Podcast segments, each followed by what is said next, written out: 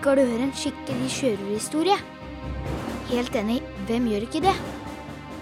I bokserien På eventyr med kaptein Skrekk får du høre om jenta Nora, som ved en tilfeldighet oppdager en kiste som kan sende henne rett til sjørøververdenen. Og i denne verdenen er det akkurat slik som sjørøverhistorier skal være. Med sjørøverskuter, kanoner, sverd og skatter. Og ikke minst er sjørøveren som Nora treffer, kjent for å være den verste av sitt slag. Nei, nei, nei, ikke noe sortebil. Ikke tegneseriekrok eller sabeldampfjompen.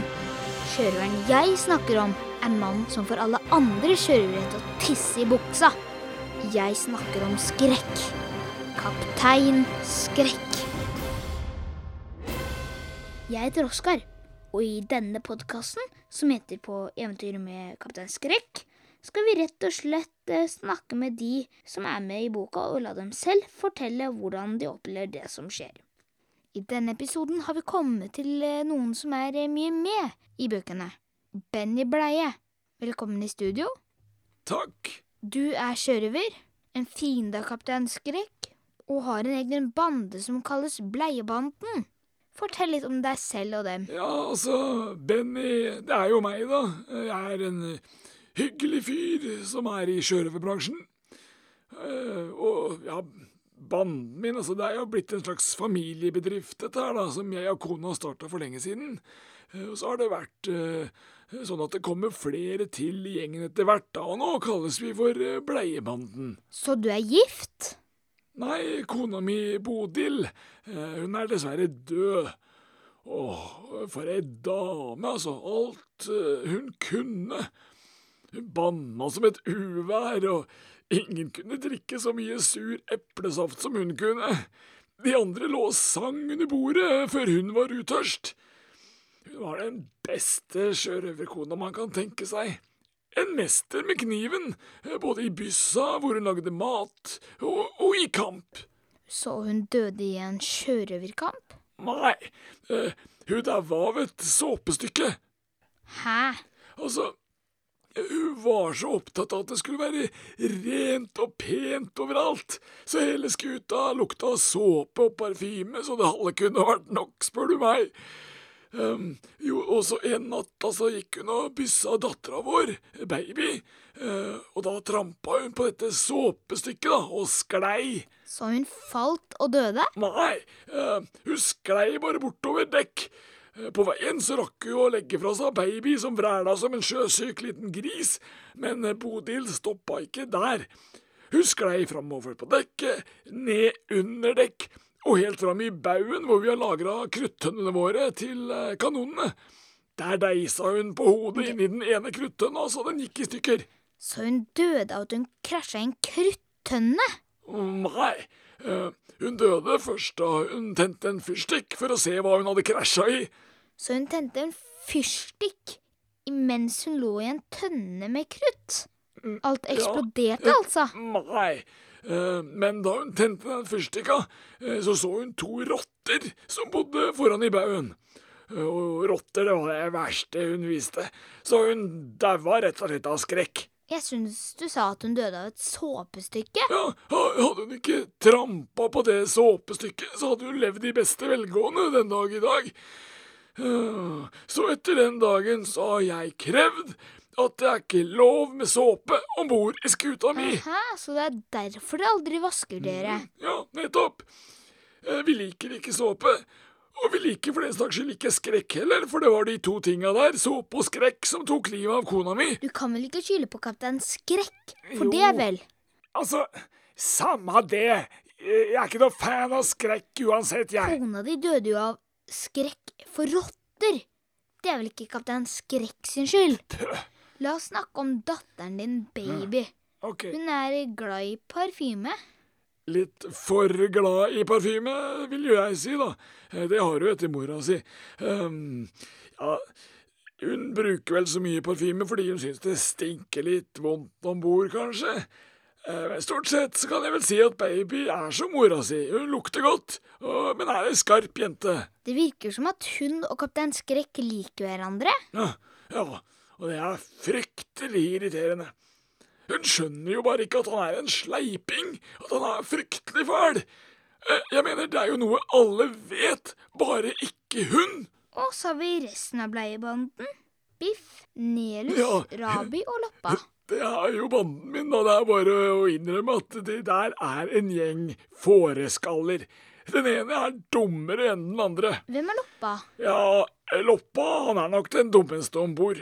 Eh, Han fikk kappa av seg begge beina fordi han mente det var bedre med tre bein enn to bein. Har du hørt? Tre bein, skjønte du? Rabi, da? Rabi er vel omtrent like smart som en blomkål, men han holder heldigvis stort sett kjeft, da. Og Nelus? Nelus han er ikke så mye smartere, eh, men han snakker dessverre en del, så jeg må høre på alt det idiotiske som kommer ut av munnen på han. Spiff? Spiff er kanskje den minst dumme.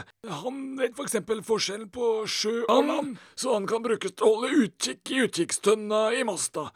Og så kan han holde, holde i roret så lenge det er åpent hav og ingen skjær i sikte, da. I boka Skatten på Kokosøya får Spiff eh, styre skuta litt. Men det går ikke så godt. Nei, den der historien der eh, Det er et stykke ut i boka, det. Um, Vi har jo forlatt Skrekk og Nora på Kokosøya fordi de har gjemt en skatt, men jeg skjønner jo ikke hvor. Eh, Men idet jeg skjønner hvordan Skrekk har lurt meg, så gir jeg Spiff beskjed om å snu skuta og seile tilbake.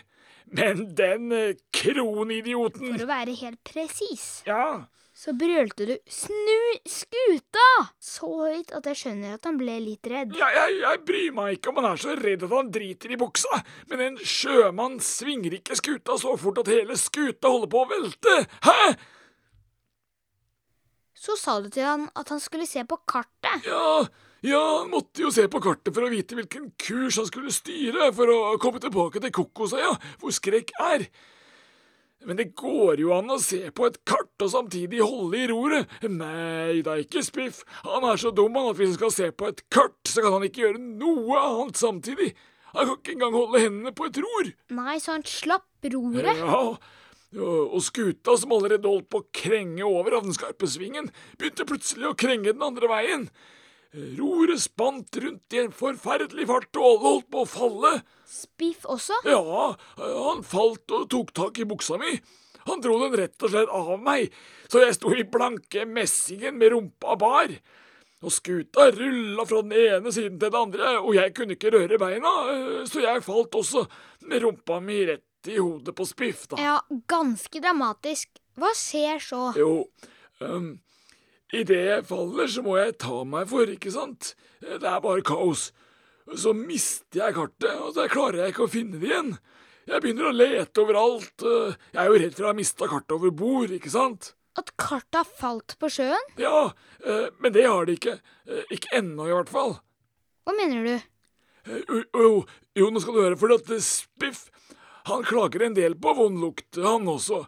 Han mener jo at jeg bør vaske meg litt oftere, og det, det er jo helt sant at det er en stund siden nå, og rumpa den lukter kanskje ikke blomster, for å si det sånn, eh, der bak.